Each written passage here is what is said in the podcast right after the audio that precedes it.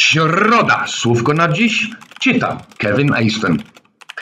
Na klawiaturze komputera znajdziemy klawisze opatrzone skrótami angielskich słówek S. ESC. To skrót od escape, dosłownie uciekaj, unikaj. Tab wzięło się od tabulate, zestawiać w tabeli. Caps oznacza capitals, wielkie litery. A tutaj mamy print screen, dosłownie drukuj ekran, ale chodzi tu o skopiowanie zawartości ekranu. Dochodzimy do klawisza del, pełna nazwa delete, czyli usun.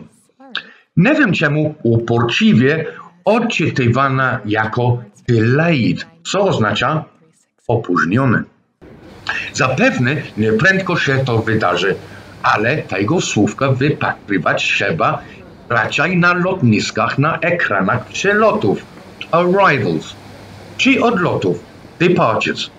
Oprócz delayed możemy tam znaleźć napisy expected, oczekiwane, cancelled, odwołane, on time, zgodnie z rozkładem, albo landed.